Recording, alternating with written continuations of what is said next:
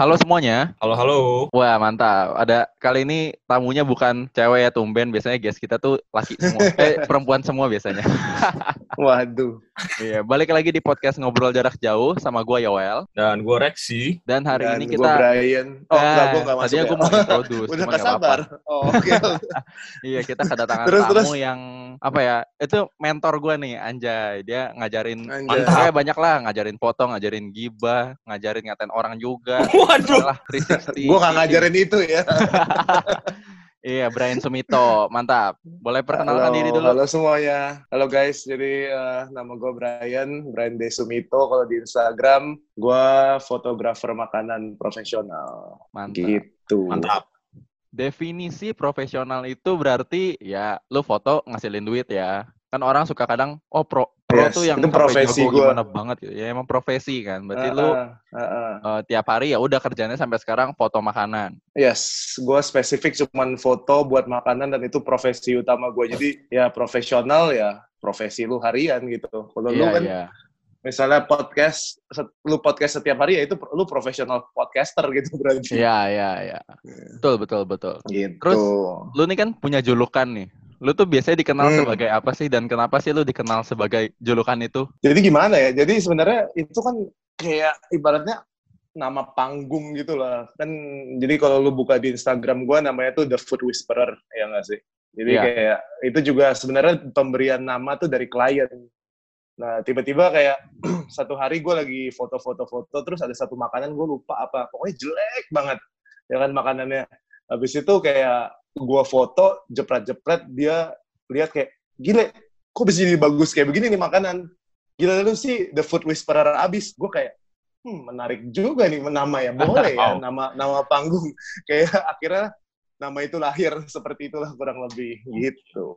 Iya, dan- tapi gue agak risih sih. Oh, kenapa? dipanggil gara-gara? "Oh, ini food whisperer whis- whisperer food whisperer. Gue kayak "Aduh, iya tapi gimana ya? Maksudnya kayak you have to live by your apa by your role juga kayak ya itu nama branding gue nama panggung gue gitu Dan itu kayak kayak nggak tahu ya istilahnya udah dari mana-mana juga ya kayak the food whisperer gitu banyak banget istilah-istilah itu. Tapi Iya. pas di pas Heeh. di Google pertama kali muncul tuh lu gitu Brian Sumito Anjay. iya Mantap. Udah udah. gue nggak pernah google nama gue sendiri sih Tapi kalau boleh tahu nih kapan sih lu mulai food fotografi ini? Gua mulai food fotografi gua itu jadi kemarin gua lagi buka-buka file lama kan, lagi gara-gara lagi backup-backup kan. Terus Iya, kayak iya. sekitar di bulan Februari 2016. Jadi udah empat tahun lah sampai sekarang. Oh, Hmm. 2000. Wow, gila. Iya, lu masih kuliah kali apa masih SMA lu? Kuliah gua kuliah. Oh, lu udah kuliah ya. Heeh, udah kuliah. Cuman foto Eh. makanan gua tuh kayaknya gua tuh ketemu lu itu pertama kali pas di Kultura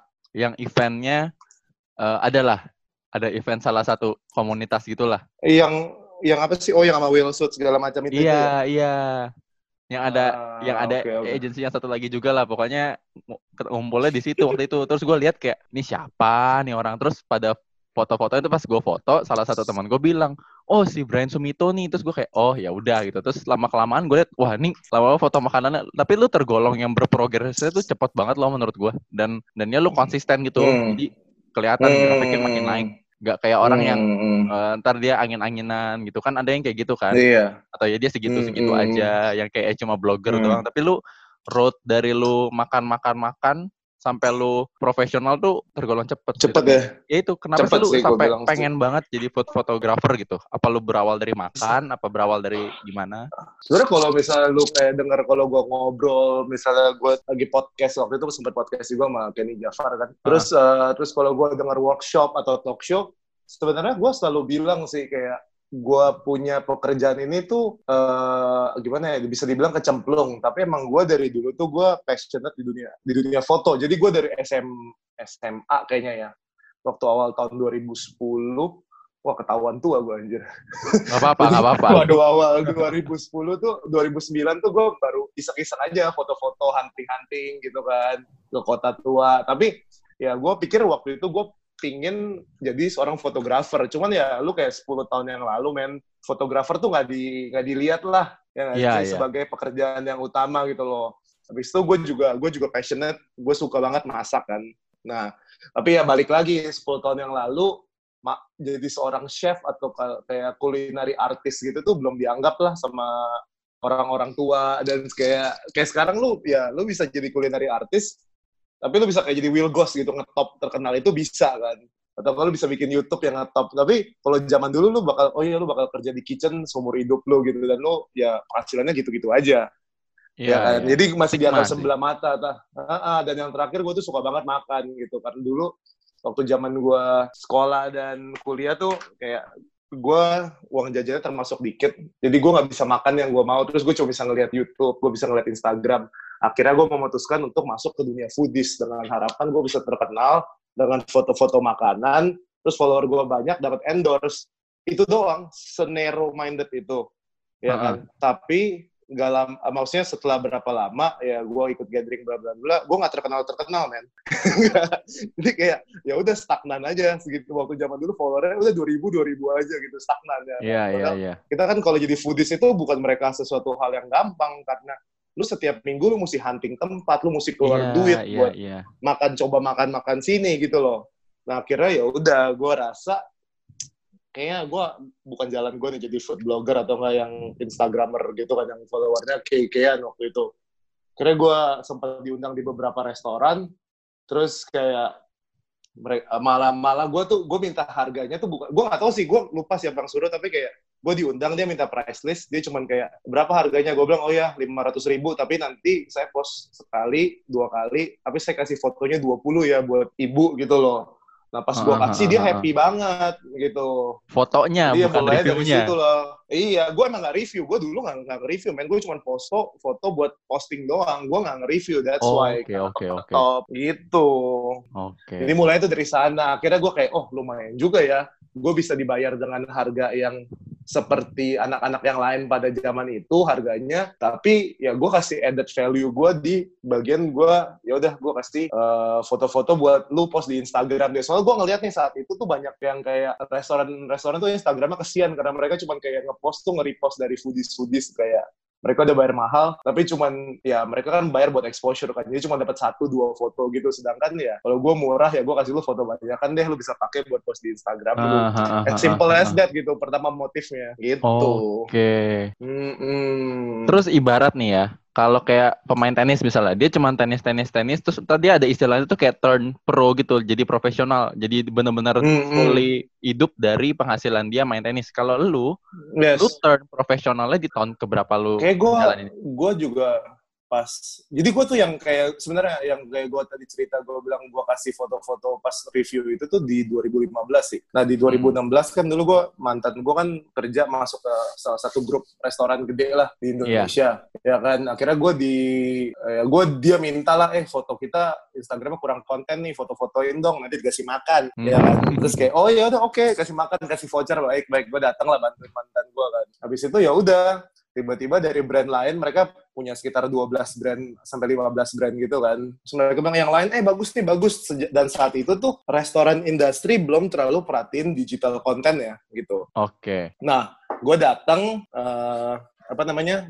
Gue datang, gue foto-fotoin aja, as simple kayak ya udah gue cuma mau foto, gue mau makan gratis deh soalnya gue waktu itu nggak bisa afford buat makan di restoran-restoran kayak gitu, ya nggak. Nah, aha. akhirnya ya udah brand ini suka, brand ini suka, brand manager yang brand ini suka. Akhirnya gue dikontrak lah selama eh, dua tahun gitu di Wow, eh, lama grup juga restoran dua tahun. tersebut. Lama cuy, tapi ya gue kan freelance. Oh, iya iya iya. Ya gitu, makanya jadi setelah gue dikontrak dua tahun itu ya dibilang freelance sih, freelance freelance slash full time juga sih kayaknya sih soalnya. Iya iya. ya Kan itu mereka ada 12 brand, sedangkan hari kerja cuma 20 hari. Ah. Jadi walaupun gue nggak ngantor, tetap aja gue 12 hari itu kerja pasti nih di foto-foto di di di restoran ini, di restoran ini, di restoran ini. Jadi kayak ya sama aja kayak full time. Iya gitu. iya iya. Tapi Kayak ya hitungannya freelance tapi setelah- eksklusif lah ya. Ah, ah, full heart lah. Iya, Bilangnya.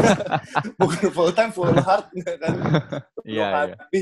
Ya, jadi ya gitu. Akhirnya di sana gue juga nggak tahu kayak apa ya itu maksudnya di sana dibayar. Cuman ya kalau misal lu tahu harganya mau tahu harganya lu dengerin aja podcastnya Kenny Jafar. gue Oke, baik mau baik. lagi. Nah Baik, itu, baik. itu history gue tuh ada di sana semua gitu. Oke oke. Soalnya ini Hmm. eh, lebih spesifiknya tuh kali ini kita tuh lebih mau ngebahasnya Mm-mm. soal kan what's going on around nih eh, Yes. orang-orang shifting semua. Mm-mm. nyari apa yang bisa difoto di rumah which foto produk foto yang involve apa ya involve orang-orang tuh dikit lah nggak sebanyak Yes. uh, foto model atau foto yearbook atau apa tapi gue uh, gue kan juga kadang-kadang foto makanan gitu maksudnya gue foto makanan for fun juga di satu sisi ya dapat makanan gratis kayak itu beneficial banget kan kayak lu udah Yes. dibayar Yes. dapat makan terus berkesempatan Hmm. makan di restoran-restoran yang mungkin kalau kita nggak gini kita nggak bisa makan di restoran itu gitu loh dulu Betul. Hmm. yang kayak ya, lo mau bayar berapa malahan ini makan makanan mewah dibayar lagi tapi nih ya, Hmm.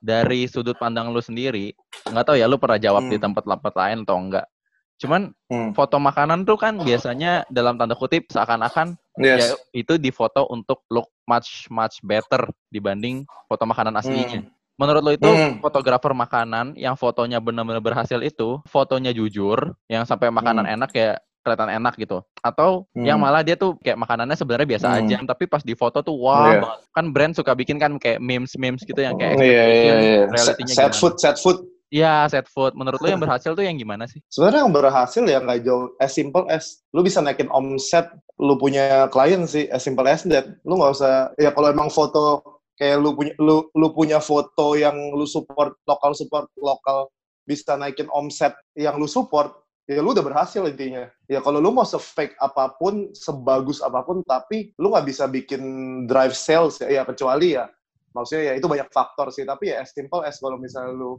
foto yang home industry. Soalnya gue juga awal-awal gue fotografer gue fotonya tuh yang foto makanan rumahan. Gue bukan langsung oke gue foto Starbucks gitu atau gue foto yang brand-brand cat time yang gede. Gue mulainya dari yang brand-brand yang nggak kelihatan yang sekarang lagi banyak eh, apa namanya banyak difoto di ya sama fotografer-fotografer kayak lu gitu loh jadi ya Oh, kalau iya, ketika iya. lu ngerasa kayak ketika dia laporan kayak eh penjualan gue naik nih sejak foto apa upload foto lu lebih jelas bla bla bla lu udah berhasil men Iya, as simple iya, iya. as that sih ya enggak Soalnya iya kalau kalau fotonya brand gede tuh ya udah kayak cuman ngikutin brief Iya. mereka toh mereka salesnya Yes. ya ya akan tetap jalan gitu loh. Foto kita nggak berpengaruh. Exactly. Justru justru kita yang harus level up sesuai standar mereka karena mereka terlalu banyak standar juga kan dan aturan perusahaan. itu satu malah kadang-kadang mereka tuh nggak terlalu apalagi brand kayak misalnya yang tadi gue sebutin ya kayak brand-brand minuman kayak gitu mereka Iya, tuh udah sistemnya kayak gue mau foto pakai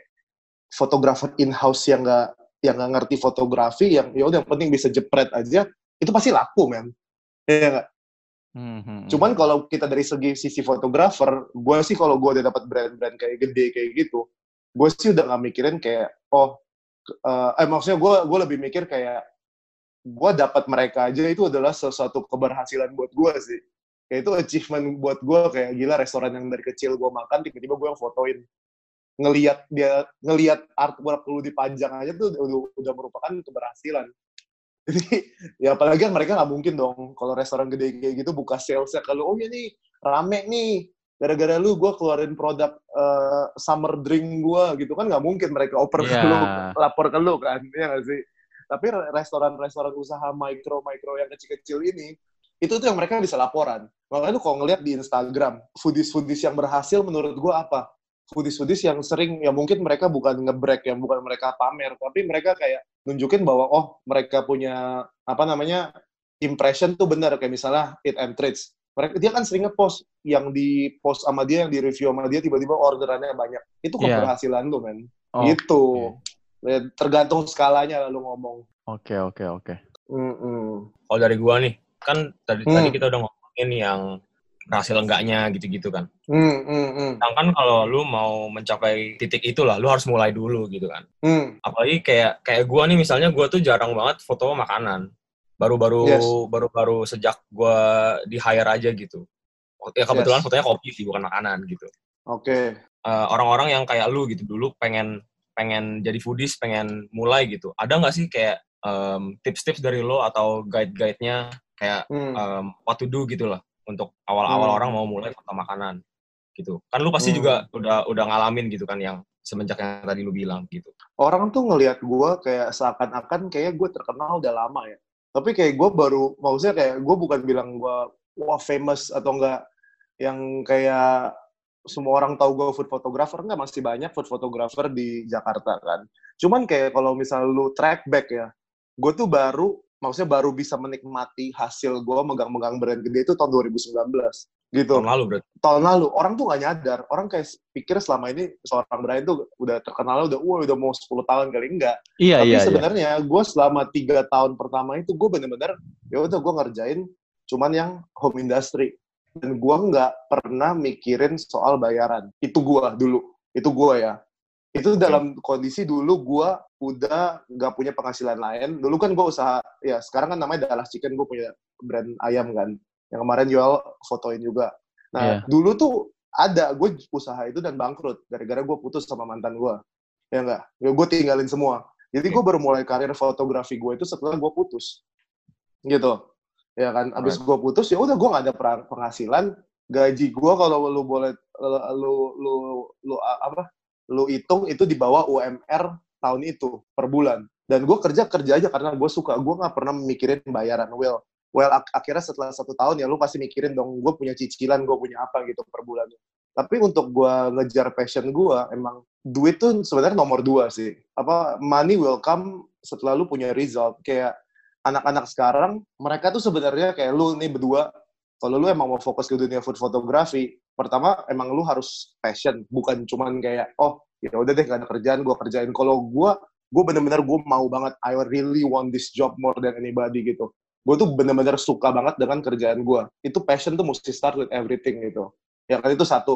Eh, yang kedua itu eh, sekarang ini kan lagi pandemik begini semua orang jualan makanan. Lu lihat lah mamanya jual tempe orek tiba-tiba dijual dijual, mamanya bikin babi kecap dijual, semua dijual. Fieldnya tuh Iya. banyak banget ladangnya. Sedangkan pekerja di ladangnya itu tuh nggak sebanyak itu. Jadi kalau Aha. dulu kayak eh oh food photographer oh ada Brian. Tapi mahal. Sekarang mereka lu orang tuh bisa kayak oh lu offer gratis.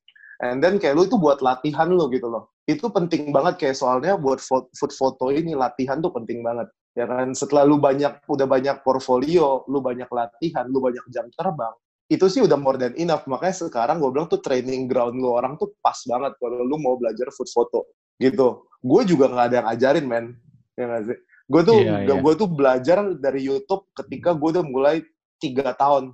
Jadi gue tuh selama tiga tahun pertama udah gue learning by doing aja. Kayak si OL, udah foto di pinggir jendela, yang nggak styling ancur-ancuran, kadang-kadang Iya. yang kayak kalau lu lihat sekarang kayak apa. Ya tapi if you look back kayak anjir, gue dulu foto dari sini, progresnya sampai sini. Dan sekarang orang tuh mau loh ngirim barang ke lu, ya enggak? Iya, orang iya. iya. percayain lu, orang percayain lu buat fotoin aja, itu menurut gue ada something. Dan itu heeh. are- dan sekarang kalau misalnya lagi biasa-biasa sih orang kayak ah ya udahlah jualan nggak pakai foto foto makanan nyantai lah ya nggak sih sekarang Iya. ya semua orang berlomba jual makan mereka butuh visual makanya gue seneng banget kayak ada orang-orang tuh yang ya udah fotoin makan gratis soalnya itu Aha. membantu UKM men menurut gue sih gitu jadi ya passion latihan sama lu punya eh, pengalaman sama jam terbang aja itu udah paling penting buat lu mulai begitu dan Iya. sekarang waktu yang sangat tepat Ya. menurut gua sih sempat kita omongin juga sih, eh, maksudnya gue ngomongin sama ini sama Yoel gitu dan ya mirip-mirip lah. Meaning itu berarti benar gitu kan. Heeh, soalnya kalau menurut gue ya pasti ada orang-orang yang ngerasa kayak tersaingi kayak aduh eh, kayak kemarin si Yoel ngomong lu merasa tersaingi nggak sih kok kayak tiba-tiba banyak orang yang foto gratisan segala macem ya nggak gue bilang sih gue bilang rezeki udah ada yang ngatur ya Ah, ya iya. nggak meskipun lu nggak fotoin dia gratis dia juga belum tentu foto sama gua gitu ya mungkin Iya. ada ada ada masalah budget masalah apa ya sekarang lu fotoin gratis ya karma baik visual baik gitu menurut gua Aha. Iya. Iya nggak sih Terus Gitu. sekarang ini kan dengan adanya lokal support lokal ini yang lagi marak ini, Hmm. em, apa ya? Yang tadi lu bilang bisnis fotografi makanan itu kan kayak lagi naik-naik banget nih, sangat on the rise lah Hmm. anggapannya kan. Hmm. Terus Hmm. em, yang gua concern itu adalah kan dulu tuh sering tuh ya kayak ada yang eh, kalau yang rusak harga market gitu, murah-murah Hmm. banget gitu sebagai fotografer. Iya. Terus adalah yang suka-suka suka-suka salty gitu. Kenapa sih orang ini lempar harga kayak gitu gitu kan? Iya. yang yang gue pengen tahu itu sekarang adalah apakah bisnis fotografi makanan itu lagi berkembang berkembangnya atau malah tumbang karena adanya kayak foto-foto gratis ini gitu. Iya, kalau menurut gue sih balik lagi ke statement gue yang tadi. Ya kalau misalnya orang yang ngejar gratisan, ya mereka kan pasti balik lagi ya. Maksudnya bukan mendiskreditkan, tapi kan mereka pasti juga budget punya budget yang limited gitu loh. Jadi ketika ya. ketika dan biasa itu yang startup, yang baru banting setir karena eh, nggak uh, ada kerjaan ya udah jualan makanan mereka ya udah kalau bisa gratis ya gratis gitu. Tapi sedangkan kalau menurut gua uh, balik lagi rezeki udah ada ngatur ya enggak dan dari dulu tuh udah sering banget orang yang kayak oh kasih harga murah banting harga. Kalau gue sih maksudnya gue nggak pernah permasalahan itu. Soalnya menurut gue kalau lu dalam dunia foto apalagi fo lu cari yang namanya portfolio itu tuh lu orang udah mau percayain lu ya. Buat foto gratis aja lu tuh harus bersyukur menurut gue iya yeah. okay. ya, kalau menurut gue itu itu lu harus bersyukur lah. Gue kalau dalam workshop gue atau talk show gue atau apa pun yang gue yang gue ngomong orang tuh selalu nanya kayak e, kok ini kalau misalnya aku mau tentuin harga itu tuh gimana gue selalu bilang orang kalau lu baru mulai lu gak punya portfolio lu gak punya foto makanan di Instagram lu orang mau foto sama lu aja tuh lu udah bersyukur jangan lu mau tentuin orang belum tentu ada mau foto lu, lu udah mau tentuin harga tinggi-tinggi atau enggak lu udah mau ngomongin soal duit money will come. Mm-hmm. Kayak Yoel sekarang nih, Yoel udah satu bulan, contohnya ya gue cuma lihat Yoel sama ada beberapa temen gue di Semarang yang fotoin gratis kan, sama di Bali. Ya gue yeah. bilang ya, mereka uh, oke okay, satu bulan, dua bulan, tiga bulan, oke okay, lu foto gratis. Tapi ketika portfolio lu udah susun, lu mau charge orang lu udah bisa. Iya iya iya. Karena lu udah punya portfolio. Nah itu balik lagi ke mereka yang zaman dulu tuh, oh banting harga. Uh, ya maksudnya lu mau fotografer kalau lu bilang sekarang on the rise atau tumbang, gue sih tiap hari foto gitu. Gue sih tiap hari sekarang foto. Walaupun hmm. gue sekarang masih uh, sampai minggu depan gue masih uh, diskon 50%. Tapi after lebaran ya udah kita normal lagi. Cuman ya maksudnya dibilang tumbang atau tumbang teman-teman gue fotografer yang profesional juga. Mereka kerja juga men, tetap aja. Soalnya untuk brand-brand yang besar yang masih aktif ya kayak hotel, restoran, kafe yang gede-gede yang masih aktif aja, mereka pasti nyarinya ke kita. Gitu loh. Hmm, mereka iya, bukan iya, yang iya. kayak mereka bukan yang bisa mentoleransi kayak oh ini gratis nih. Ya udah gue pakai gratis aja, gue gak mau keluar budget. Mereka yeah. tuh punya standarnya juga. Jadi mereka nggak bakal loncat turun ke yang gratis instead of tinggal uh, maksudnya instead of milik kita yang langganannya gitu loh. Betul, betul, Jadi ini betul. ada beberapa kayak brand yang kayak sekarang juga tetap aja masih kayak oh gue kirim barang ke lu ya, lu foto di situ ya. Tetap ada gitu. Uh, Jadi ya on the rise ya lu lu depends lu lu liatnya apa gulung tikar atau enggak gua kalau menurut gue ya gue sekarang gue berasa masih di atas angin banget gitu soalnya satu-satunya fotografer yang dilihat sekarang itu fotografer makanan men iya betul semua orang wanna be foto makanan setiap buka workshop di mana-mana fotografer-fotografer makanan itu workshopnya gila banget, banyak banget yang ikut. Menurut gue yeah. sih kita lagi di atas angin banget dan ini waktunya buat para fotografer makanan tuh diberikan apresiasi lah karena selama ini kan kita selalu di nomor tiga empat empatin gitu. Uh, uh, uh. Jadi itu makanya gue bilang ini kita lagi di atas angin cuy. Iya yeah, dan gue okay. uh, ini apa gue juga sebenarnya gue baru berasa banget. Jadi pas gue mulai pas kita mulai rekaman nih, gue langsung ke kan tadi lu sempat ngobrol juga kan kayak klien lu udah brand-brand gede, hotel hmm. yang yang notabene bukannya ecek-ecek gitu loh, yang mereka pun willing buat keluarin budget karena mereka punya brief, mereka punya standar, mereka punya needs yes. gitu. Dan lu menyesuaikan. Hmm. Terus gue langsung kesadar juga, oh iya ya, uh, gue as in fotografer yang nyediain gratis atau mungkin budgetnya ya kita rate-nya nggak setinggi lu atau gimana, kita kita ini nggak hmm. mungkin sampai uh, di rate sama yang luxurious atau yang sampai brand gede-gede gitu loh. Maksudnya kayak established like, brand lah iya established brand yang kayak established brand. Uh, uh, kayak kayak mereka juga nggak bakal nge kita. Jadi sebenarnya kalau ngomongin soal saing-saingan gua dan lu maksudnya kami dan kalian yang udah profesional fotografer yang let's say udah beberapa tahun jalan dan memang komersial hmm. banget nggak nggak nggak on the same level lah menurut gua. Dan uh, maksudnya gua nggak akan merasa oh ntar gue nyaingin lo atau gimana, lo juga nggak bakal merasa gitu hmm. gitu karena ya kita udah punya uh, segmen kita masing-masing gitu loh yang akan balik yes. ke kita lagi, yang akan secara rutin kayak lo kan Bener. ada ya itu si back of art dan semua itu yang memang ujung-ujungnya ke lo lagi karena memang sudah cocok gitu kan. Hmm, hmm. Iya. Iya, Kurang lebih sih gitu sih. Heeh. Sama prinsip lo yang kayak rezeki ya udah ada yang atur lah. Maksudnya kayak ya Hmm. kalau misalnya gua nge-reach home industry ya udahlah gua emang bergelutnya di yang home industry atau teman-teman yang memang gua kenal. Hmm. Karena lu juga sekarang Hmm. kan beberapa klien lu juga dari teman-teman lu juga kan Hmm, bener-bener. yang Iya banyak Ya. kan klien yang established tuh iya sih dari dari temen atau enggak dari dulu Iya. teman kerja gitu-gitu Iya. refer sana refer sini. Mm, mm, mm. yang orang kayak Gitu. nggak bakal nggak bakal nikung lu juga eh ini sama gua aja ya kalian udah temenan gitu ngapain juga rebut-rebutan klien ya namanya udah rezeki kan cocok-cocokan juga Hmm. Soalnya tapi gue gue gue percaya sih maksudnya rezeki udah yang ngatur, tapi ya tetap aja rezeki harus kita jemput. ya Itu tetap. Ya kan, cuman kalau menurut gue di Jakarta ini aja di Jakarta ya kita ngomong Jakarta aja. Lu bayangin berapa ribu, berapa puluh ribu ada brand makanan. iya Ya, fotografer profesional. Ini eh, maksudnya kalau misal lu ngomong kita ngomong established brand ya kayak lu misalnya ngomong kayak Ichiban Sushi lah, kayak Tawan, Imperial Group, oke mungkin itu ada ribuan, ya enggak?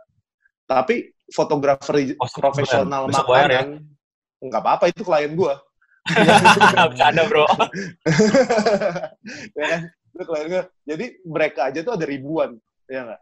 Brand-brand kayak gitu yang misalnya ketemu di mall, ketemu di pusat perbelanjaan. Nah, brand-brand kayak gitu aja lu food photographer di Jakarta itu nggak sampai 10 orang yang profesional. Yang gua anggap ya. Iya Yang maksudnya yang gua anggap kayak dan mereka nggak foto yang lain gitu loh.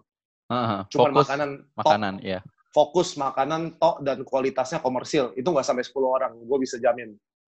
Ya nggak? Lu mau bagi Hmm. 10 orang, lu seorang seorang 100 lu nggak bakal cukup, nggak bakal nggak bakal bisa ambil, men. anjir Iya nggak? Iya, itu iya. itu kalau lu semuanya ya lu bagi rata. Jadi kan ya Hmm. ada yang ngatur juga rezeki ya. Mungkin dapat berapa, dapat berapa. Tapi kalau menurut gua eh ya apalagi sekarang plus home industry yang bisa puluhan ribu ya nggak? Ya kita juga butuh lah Iya. tambahan. Ya nggak dari anak-anak yang bawah yang baru mau mulai ya regenerasinya harus ada. Iya kan? iya sih kayak makanya gue selalu punya kayak gue bikin tim gue mentor orang ya ujung-ujungnya yang bisa ngambil klien gue ya bekas-bekas anak buah gue gitu iya iya Ya itu kan? Itu gua Menurut- paham kok itu tapi menurut gue gue berasa gue berhasil ketika gue itu. Iya. Cuman ya berarti ya gue harus kerja lebih bagus dibanding mereka. Gue nggak boleh terlena Iya. karena gue seorang Brian Sumito. Ya udah. Ya gue somehow gue bangga tapi somehow gue juga kayak oke gue harus bikin lebih bagus. Bahkan kayak titik keberhasilan lu sebagai mentor itu adalah ketika anak buah lu ngasih ngasih lu kerjaan. Oke nice. Wow. gila Nice banget. Iya kan? soalnya kan kadang-kadang orang tuh kayak- mentor ngerasanya kayak aduh apaan sih nih anak gua kok bisa jadi lebih jago dari gua gitu kan kayak aduh gimana sih gue baru mau ngomongin itu. Gue Nah, persis itulah bedanya ngomongin gue bedanya gue orang Kristen Anjay. Iya, iya. Waduh. Tapi mindsetnya emang beda sih. Ini sangat berfaedah sih. Mindsetnya bener-bener yang kayak, ya orang kan kadang mikirnya kayak gitu. Kayak, nih aduh ya oke lah. Iya. Jadi kayak gua pun akan mikir, aduh gue diajarin sama Brian Sumito nih. Ntar gue nyaingin dia nggak ya? Tapi ternyata dari mindset juga lu merasa ya lu berhasil ngajarin gua. Gua pun ya Hmm. eh, bisa dapat market yang which means lu akan level up dapat market yang lebih tinggi lagi kan karena kan di atas langit ada langit Iya. gitu nggak mungkin kayak oh gue Iya, misalnya dapat klien Imperial Group berarti ntar Brian nggak ada klienan lagi tapi lu pasti ada klien yang lebih Hmm. tinggi higher than itu mungkin lu bisa Iya. foto buat pemerintahan lah atau apa nggak ada yang tahu kan Iya. Buat Walls Vineta mungkin. Anjir. makanya kan Itu Iya, goals siapa tahu. gue sih. Hmm, siapa tahu milk bar di US yang foto Brian Sumito nggak ada yang tahu kan Bisa Wah, jadi. cocok. bisa jadi jangan-jangan udah Amin. Belum lah. Amin, amin. Gila, Sun, Sun. Amin, amin. Hmm. Kan udah ngebahas juga nih soal ya tadi lah yang kayak mentor lu merasa berhasil juga dan menurut gue itu something yang mungkin mentor-mentor lain ya para sesepuh-sesepuh kreatif apa pun jangan pernah ngerasa lu ketika lu berbagi ilmu malah lu akan tersaingi sama anak bawah lu malah justru lu berhasil ketika dia bisa entah ngasih lu kerjaan atau dia bisa setara sama lu kan gitu. Hmm. Iya, soalnya ya maksudnya kan kalau kayak gitu kan lu selalu ada sayings kayak ya pasti murid itu lebih lebih apa namanya lebih bakal lebih berhasil atau lebih hebat daripada guru kan selalu Mm-mm. kayak gitu kan iya kalau lu kalau lu emang maksudnya gue diajarin di agama gua buat kayak kita kalau punya dikasih Tuhan talenta kita harus multiplikasi. Ya ada lah orang yang nggak mau kan. Yang emang bukan passionnya ada nggak punya hati di sana kan. Ya udah nggak usah lakuin. Ya lu Iya. ya udah punya asistennya yang tukang angkut-angkut aja.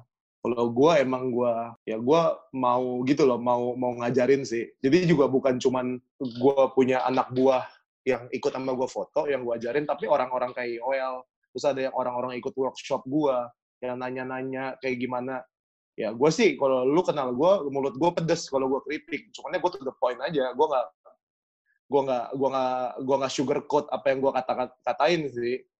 Dan itu ya somehow gue ngeliat progres kalian yang gue apa ya mentoring virtual gitu loh. Iya, ya, itu iya. lumayan lah. Maksudnya lu lu lihat aja El, kayak lu punya foto yang hari ini sama foto lu pertama. Lu Iya. merasa lu udah improve belum Iya, iya. pasti lu improve karena latihan juga kan Heeh. gitu Nah, kalau misalnya ngomongin mentoring dan lain-lain gitu kan, eh, biasanya orang-orang yang baru mulai itu kebingungan ya nyari, boro-boro nyari mentor gitu, nyari komunitas aja kayak, aduh gue mulai dari mana nih gitu. Lu ada Hmm. saran nggak atau lu ada rekomendasi nggak misalnya kalau untuk foto foto-foto makanan gitu, enaknya joinan sama siapa atau enaknya hunting bareng sama Oke. siapa atau ada komunitas sendiri kah gitu? Kalau menurut gue sih eh, makanan ini unik ya. Jadi sebenarnya kalau misalnya menurut gue kayak komuni- eh, fotografi makanan itu beda kayak lu misalnya oh di fashion yang lu bisa hunting model atau misalnya lu bisa ikut kelas ikut apa-apa. Iya. Tapi kayak iya. kalau lu misalnya makanan paling aman sih ya kan lu setiap hari makan. Kalau lu mau latihan ya. kalau lu tuh bisa kerjain Oh. sendiri. Mau- Kayak lu di rumah, kalau lu rajin lu niat ya eh, lu bisa kerjain sendiri. Kalau nggak kalau zaman foodies foodies dulu kan mereka ke restoran terus nge-review. Ya, modal itu sendiri lah. komunitasnya. Ya kan modal sendiri. Soalnya ya nothing come easy gitu loh. Nah, habis itu Ya. eh, kalau misalnya yang nah itu balik lagi di Indonesia itu food fotografi itu nggak se segimana ya se, se- sebesar di luar negeri lah ya kan nah paling baik buat lu belajar cara paling benar udah masuk university University of YouTube Oh wow, Oke. Lu Baik. Gila, gua tadi kaget. YouTube. universitas mana buka jurusan foto makanan? YouTube aja. Aduh. Lu tinggal masuk University of YouTube. Lu Iya, belajar iya. semua bener-bener ya. Gue sembil kayak sekarang setelah gue terjun profesional kayak 70 persen, 60 persen eh, ilmu gue tuh dari YouTube.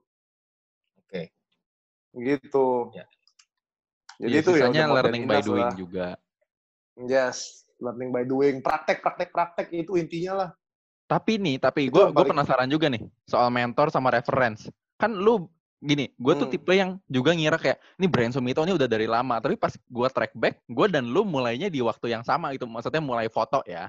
Iya. Tapi kan lebih Hmm. fokusnya potret, model, kayak kuliah Yes. juga. Tapi lu udah fokusnya di dua di tahun itu lu udah full untuk foto gitu loh. Kalau gue Iya. kayak yang nggak sesering itu. Maksudnya mulai sama ternyata Iya. sama gitu eh, span Hmm. span tahun-tahunannya. Tapi pas lu Mm-mm. mulai awal, siapa sih yang lu kiblatin banget yang lu lihat selain YouTube ya? Atau mungkin ada nggak sih di YouTube tuh lu ngeliat siapa aja yang yang bikin lu pengen kayak oh Hmm. lu bisa belajar lagi, belajar lagi. Karena kan ibarat kata nih gue sekarang yang ngajarin gue tuh lu dan beberapa mungkin orang-orang lain yang kayak ngasih tahu juga eh foto lu gini nih, foto lu gitu. Terutama kalau makanan lu juga sekarang udah sering negur juga kayak ini makanannya gini atau kok timun sama wortelnya kayak lagi enak-enak gitu kan. Ngewe. aduh, aduh, aduh, aduh, aduh, aduh. Please sit Lu mesti auto nih podcast. Iya. Podcast Nggak, tidak lulus ya itu. sensor kawan-kawan. kan kalau gue yang ngasih Hmm. ngasih komen mungkin lu atau mungkin kadang-kadang ya adalah Koben atau siapa yang ngasih referensi juga eh, ngasih ngasih info juga kalau lu waktu itu berarti lu Hmm. siapa ya dong yang ngajarin lu atau siapa yang lu uh, look up into gitu gue yang gue look up ya. Oke, jadi sebenarnya yang gue look up into, gue dulu punya satu, eh, dulu di apa res- eh, grup restoran gue itu ada satu fotografer namanya Himawan Sutanto. Dia salah satu fotografer food Indonesia yang eh, yang lumayan ter- yang terkenal dan klien dia yang udah gila-gilaan deh zaman itu Hmm. kan. Nah, gue selalu look up sama hasil dia. Gue kayak anjir kapan gue bisa foto kayak begini. Terus gue kayak gue udah tahu dia udah dia kuliahnya fotografi.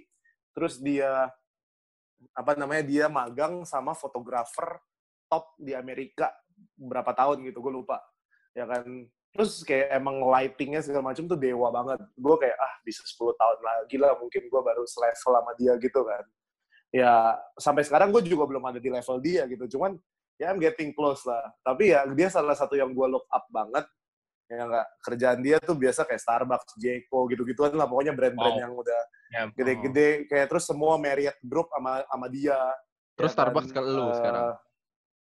Nah, Starbucks itu ya dia putar-putar lah, tergantung dia Oh. budgetnya. Ya enggak. Nah, itu salah satu yang gue look up banget. Terus gue juga, emang gue dari dulu, gue gue kan sukanya yang kalau lu lihat fit-fit gue, bukan yang di Instagram itu, emang gue tuh sukanya tuh yang moody, yang rustic, yang low key. Ya. Itu Ya kan? menginfluence Nah, gue itu- banget sih. Nah, ya itu kan itu sebenarnya as simple as kayak gue nggak suka, eh maksudnya kita kita kita kalau cowok kita lebih suka yang ngedark dark kayak gitu kan, yang Iya. moody, Kebetulan yang, kita bertiga tuh yang- sama. ya Bener kan? banget. Cuman ya di Indonesia tuh belum di appreciate gitu loh. Iya. Ha- uh, foto-foto moody gitu kecuali itu fotoin gratis mereka terima aja. Ya Iya, kan? betul. Nah, eh, abis itu ya gue selalu follow fotografer-fotografer luar. Misalnya gue ada fo- follow fotografer Singapura namanya si Artan. Itu bagus banget dia fotonya. Terus misalnya gue ada fotografer UK. Pokoknya gue fotografer di Indonesia yang gue follow, eh, ya itu semua teman-teman gue sendiri kan. Makanya kita semua fotografer makanan temenan lah. Ya kan gak ada yang saingan. Karena kita cuma segitu.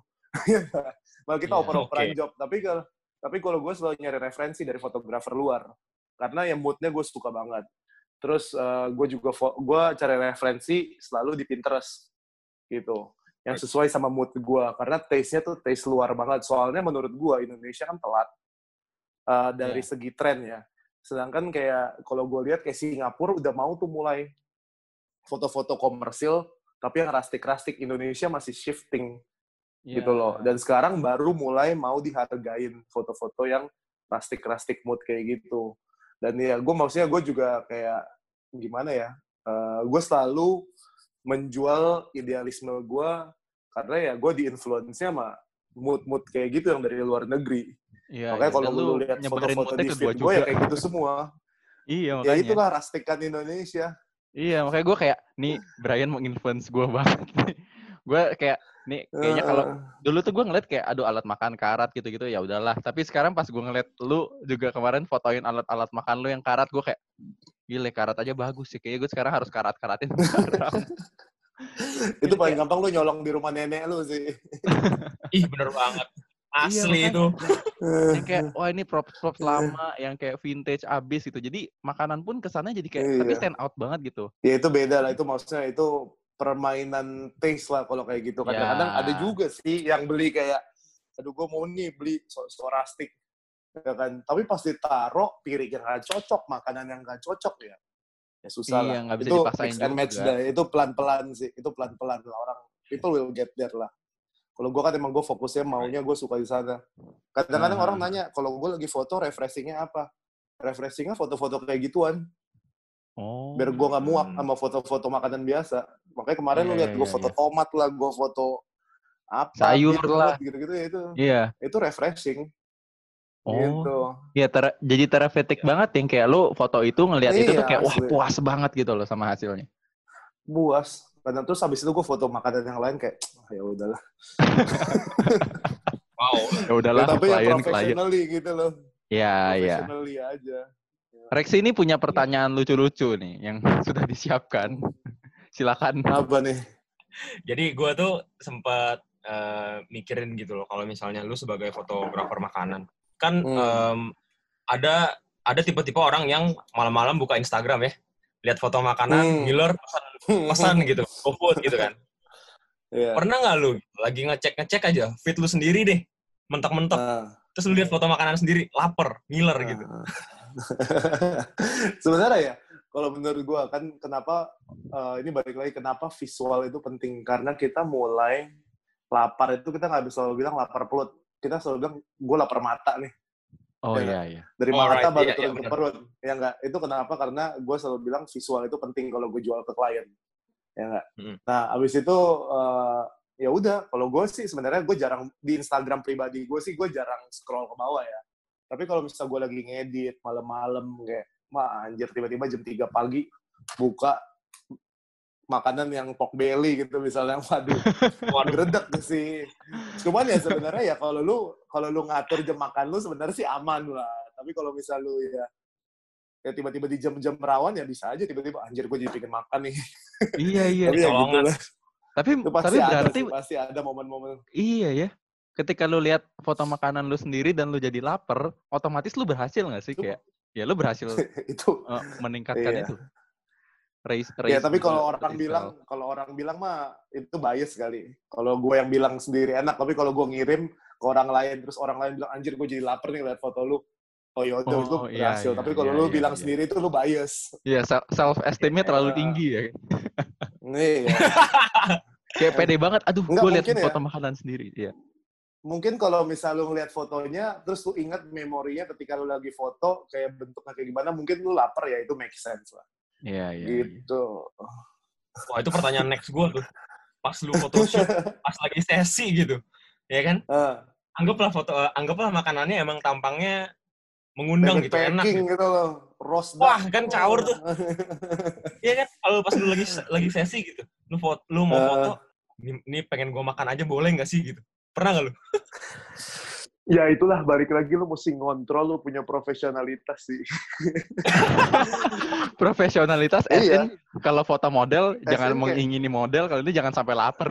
bukan bukan Wah, bukan. kocak lu. Lu iya iya lu bener juga bener kalau dari segi model ya itulah tapi kalau dari segi makanan ya jangan gara-gara lu, lu misalnya oke lu cuma dikasih misalnya nih risol 8 porsi sebelum lu foto ah udahlah gue makannya satu tujuh nggak kelihatan ternyata tujuhnya ada yang jelek tiga lu mesti substitute mati nggak lu iya, iya benar. Ya iya. jauh. jauh. ya nggak maksudnya profesionalitas tetap pokoknya kalau lu foto makanan lu makan dulu sebelum foto gue tuh Oke. selalu salah dulu kayak gue gue biasa gue nggak breakfast gue nggak apa tiba-tiba foto jam 10 Anjir. kalau ada kan cuy kadang-kadang ada loh klien yang nggak kasih lu makan pas foto shoot ada Iya, iya, iya. ada Hmm. aja. Iya, udah lu pernah, makan aja foto yang foto-foto yang ada. Maksudnya gue ketemu klien banyak lah yang baik banget sampai yang antik banget tuh banyak gitu loh. Nah yang Antik penting ya? kalau lu lagi foto makan usahakan lu makan dulu. Gitu. Oke. nanti setelahnya lu bakal kayak oh ya udahlah oke lah nggak usah nggak usah dimakan nggak apa-apa. Kalau nggak tiba-tiba gue pernah kok oh mau foto ini. Gue pikir udah difoto ternyata belum difoto gue makan. Hmm, belum mau foto mampus. Lu enak gak lu minta ke klien lu Iya, Kayak- makanya. sorry nih bro sh- sushinya kemakan satu sama gue hmm, Wah, mampus. itu gila sih. Itu gila banget gue sih. pernah tuh kena. Oh iya. untung temen gue gue pernah kena. Gue kan kayak lu biasa kalau makan makan sushi gitu kan kayak lu nigirinya isinya dua gitu kan. Kayak lu yang nigirinya misalnya salmon salmon nigiri seporsi dapat dua. Iya, iya. gue pikir udah difoto gue sikat aja. Pas dicari-cari apa foto stylistnya eh mana ya fotonya? Eh mana ya eh, nigirinya gue makan tadi itu kan bilang difoto Wah, anjir. Horor. Oh, iya, iya, iya, iya. Tetapi ya gara-gara itu kliennya klien temen jadi kita bisa ketawa-ketawa aja jadi ya. Belum nggak kecembetut anjir klien. Makanya. Intinya makan dulu lah sebelum foto. Itu. Pertanyaan terakhir nih. Ini nggak usah serius-serius Iya. amat juga nggak apa-apa. kan tadi itu kita udah bahas-bahas yang foto-foto gratis tuh ya. Iya. Ada satu lagi tuh yang namanya juga pay as you like kan. Hmm. Menurut lo lebih lebih baik yang mana dan lu lebih prefer yang mana? Ya maksudnya kayak gratis aja lah udah gratis namanya juga mau bantu atau PSU Hmm. like gitu. Karena kan yang ya kemarin gue sempat Hmm. bahas juga di story yang kayak oh ada ada orang yang Yes, bikin yes. PSU like jadinya kayak ntar malah jadi saling nggak suka gitu loh kayak ya udah lu mau gratis gratisin Yes. kalau mau suruh bayar ya taruh rate sekalian. Yes. Nah, opini lu nih dari seorang profesional food photographer gimana? Kalau gue ya, kalau gue pribadi, gue tuh kalau misalnya gue lebih suka di foto foto gratis. Hmm. Gue nggak suka yang sistemnya PSU like. Balik lagi, bisa enak gak enakan. Itu benar, benar banget. Makanya kemarin gue pas baca story lu benar. Mindset lu benar. Soalnya yang gue mau tambahin lagi itu, eh gimana ya? Eh kalau misalnya lu mau bantu temen nih, ya kan? Kadang-kadang ada nih orang datang, eh, ya udah, gue gue baru mau usaha bakmi nih. Lu foto lu berapa, rate lu? Ya kan? Bisa minta diskon nggak? Bla bla bla. Gue langsung bilang kalau gue deket ya, kalau gue dekat kayak teman main udah lu kirim ke studio gue gue fotoin nanti lu bantuin aja di studio gue soalnya kenapa menurut gue apa ya? Menurut gue tuh lebih baik lu kasih gratis dibanding lu dibayar murah. Kalau menurut gue, soalnya harga diri lu itu your value itu lu yang tentuin. Mhm. Soalnya ketika lu ba- dibayar gratis, orang tuh bukan utang lu duit sejuta dua juta, tapi orang lu orang tuh hitung budi lu sampai Ah, lu iya. ke anaknya atau ke apa tuh orang tuh utang budi. Gue lebih suka diutangin budi sama orang daripada utang utang duit. Makanya kenapa gue sekarang kalau teman-teman yang dekat banget, jadi jangan nanti orang datang ke gue tiba-tiba minta foto gratis semua enggak. Tapi kalau teman-teman yang dekat banget, yang menurut gue kayak oke lah gue bantu lah, gue bantu. Gue selalu kasih udah lu gak usah bayar gratis aja kirim aja ke studio gue. Sampai ada beberapa kayak back of art, lu tau gak back of art? Gue fotoin dia setengah tahun, dia nggak bayar. Mhm, Gue mhm. karena dia teman baik gue, gitu. Iya, iya. Gue iya. bilang udah sampai lu sukses, lu lu udah cuan lu baru bayar gue, gue bantuin lu. Karena dia emang teman dekat gue dari kuliah, gitu. Iya, iya. Nah itulah. Soalnya balik lagi harga diri lu yang tentuin.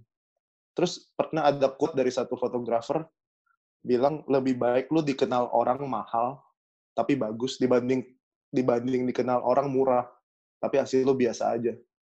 Iya, Gitu. iya, iya. Lebih enak kan lu didengar kayak lebih enak lu didengar sama orang kayak klien bilang, "Aduh, dia bagus sih, tapi mahal banget nih." Ah, sama misalnya orang ngomong kayak, "Dia tuh oke lah, harganya murah lagi." Lebih pilih di mana lo? Ya value lu aja lu mau tentuin. Iya sih. Di Jakarta ini ya, Benar-benar. di Jakarta ini lu gampang banget dilihat orang sebelah mata. Gue tuh selalu diajarin sama bokap gue jangan sampai lu diinjak sama orang, lu dipandang sebelah mata sama orang. Gitu. Jadi itu yang membuat kayak kenapa gue punya mindset seperti ini gitu lah. Ya itu, itu, sih cuy. benar. Jadinya, jadi orang ngelihat lu juga kalau foto sama lu tuh ya worth it gitu loh, worth the price juga. Udah bayar Hmm. mahal, dapatnya bagus lagi gitu.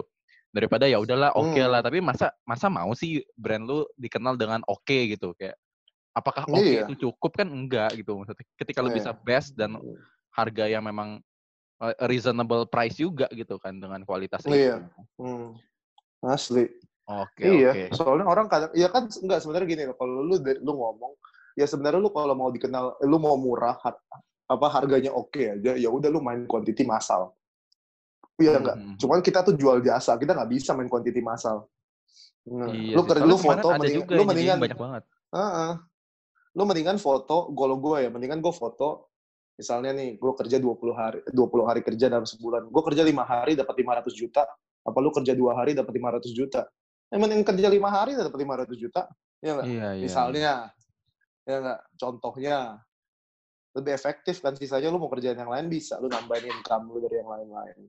Iya, Daripada iya, lu iya. buang, apalagi soalnya lu, lu kalau lu kerja di dunia seni, bukan cuma badan lu yang capek, otak lu, in, apa maksudnya lu juga mesti cari inspirasi, bla bla bla, gitu-gitu Iya, loh banyak lah benar, benar, benar. faktornya.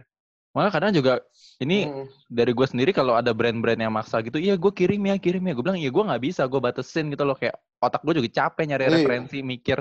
Kan foto Capek, mikir, nggak cuman asal jepret. Kalau asal jepret ya yang tadi, lu mau foto lu cuman asal jepretan doang. Kan lu pasti maunya fotonya yang bener-bener kayak all out juga dari otak, badan semua tuh kayak Mm-mm. gas gitu loh. Hmm, hmm, hmm, Ya kalau hmm. mau lu cepet ya udah foto background putih aja, gampang. Iya makanya udah kayak katalog. Iya. Katalog aja.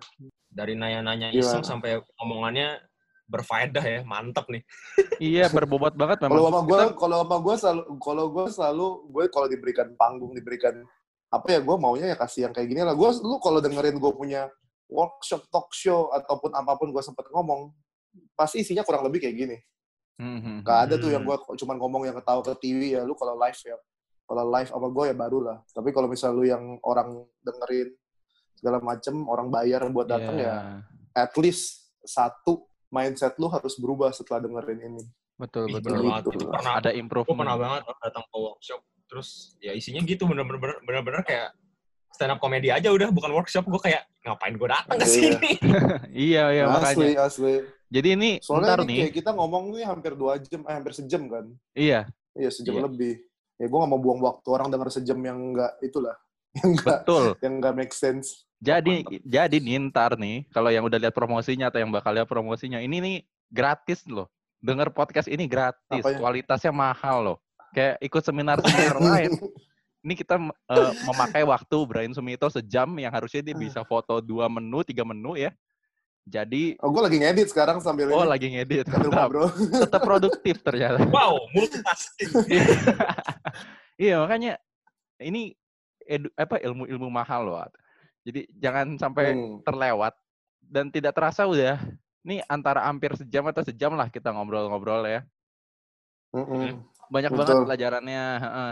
Gimana ya kayak itu rezeki ya udahlah udah namanya rezeki juga pasti datang dan yang kayak eh kita sekarang jauh-jauhan semua maksudnya lagi di rumah masing-masing ya emang ada yang mau survive foto gratis ya silahkan foto gratis buat build portfolio juga Yes. kalian ngebantu dan ya kalau dari gue sih yang kita bantu ya kalau bisa temen prioritasin teman dulu karena kan Yes, semua orang temennya beda-beda dan kadang-kadang kita bisa Betul. ngomong juga nih ke brand-brand ah lu coba approach teman-teman lu aja yang bisa foto kalau emang udah nggak ada banget mentok ya barulah ke kita soalnya kalau kenal bantu Hmm. bantu orang kenal tuh akan lebih lebih wow juga buat kita hasilnya gitu kan kadang-kadang kan kita ada Iya, betul. ada ada hubungan personal dengan orang itu kalau ngebantu Mhm.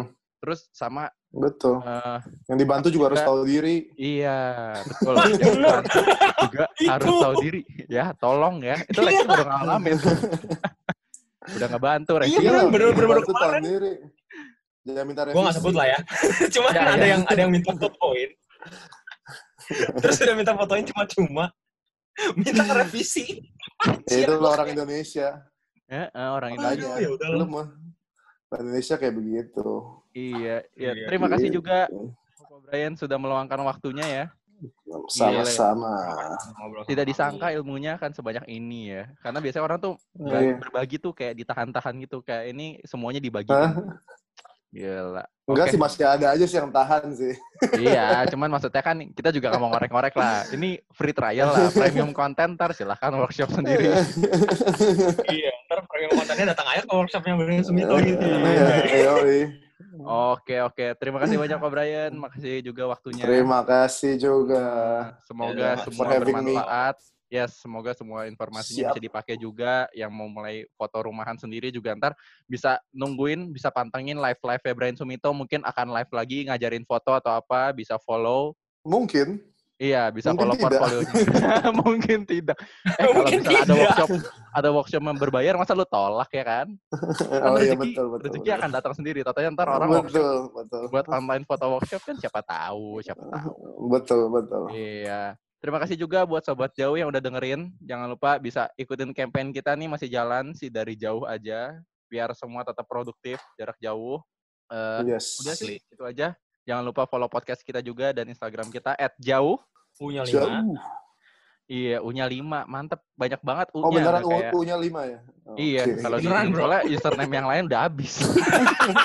Jangan dibuka iya, gitu pakai dong. U1, U2, U3, U4, U5. Wah, ini kena ya udahlah ini aja dah. Jadi tagline. Sampai ketemu di Oke, Mas, podcast-podcast berikutnya. Gua Yoel pamit undur diri Gua Reksi juga pamit undur diri. dan Saya Kobraya. Brian pamit undur diri. Baik. Jadi ikut. Bye. Dadah semuanya. Thank you. Bye. Yuk.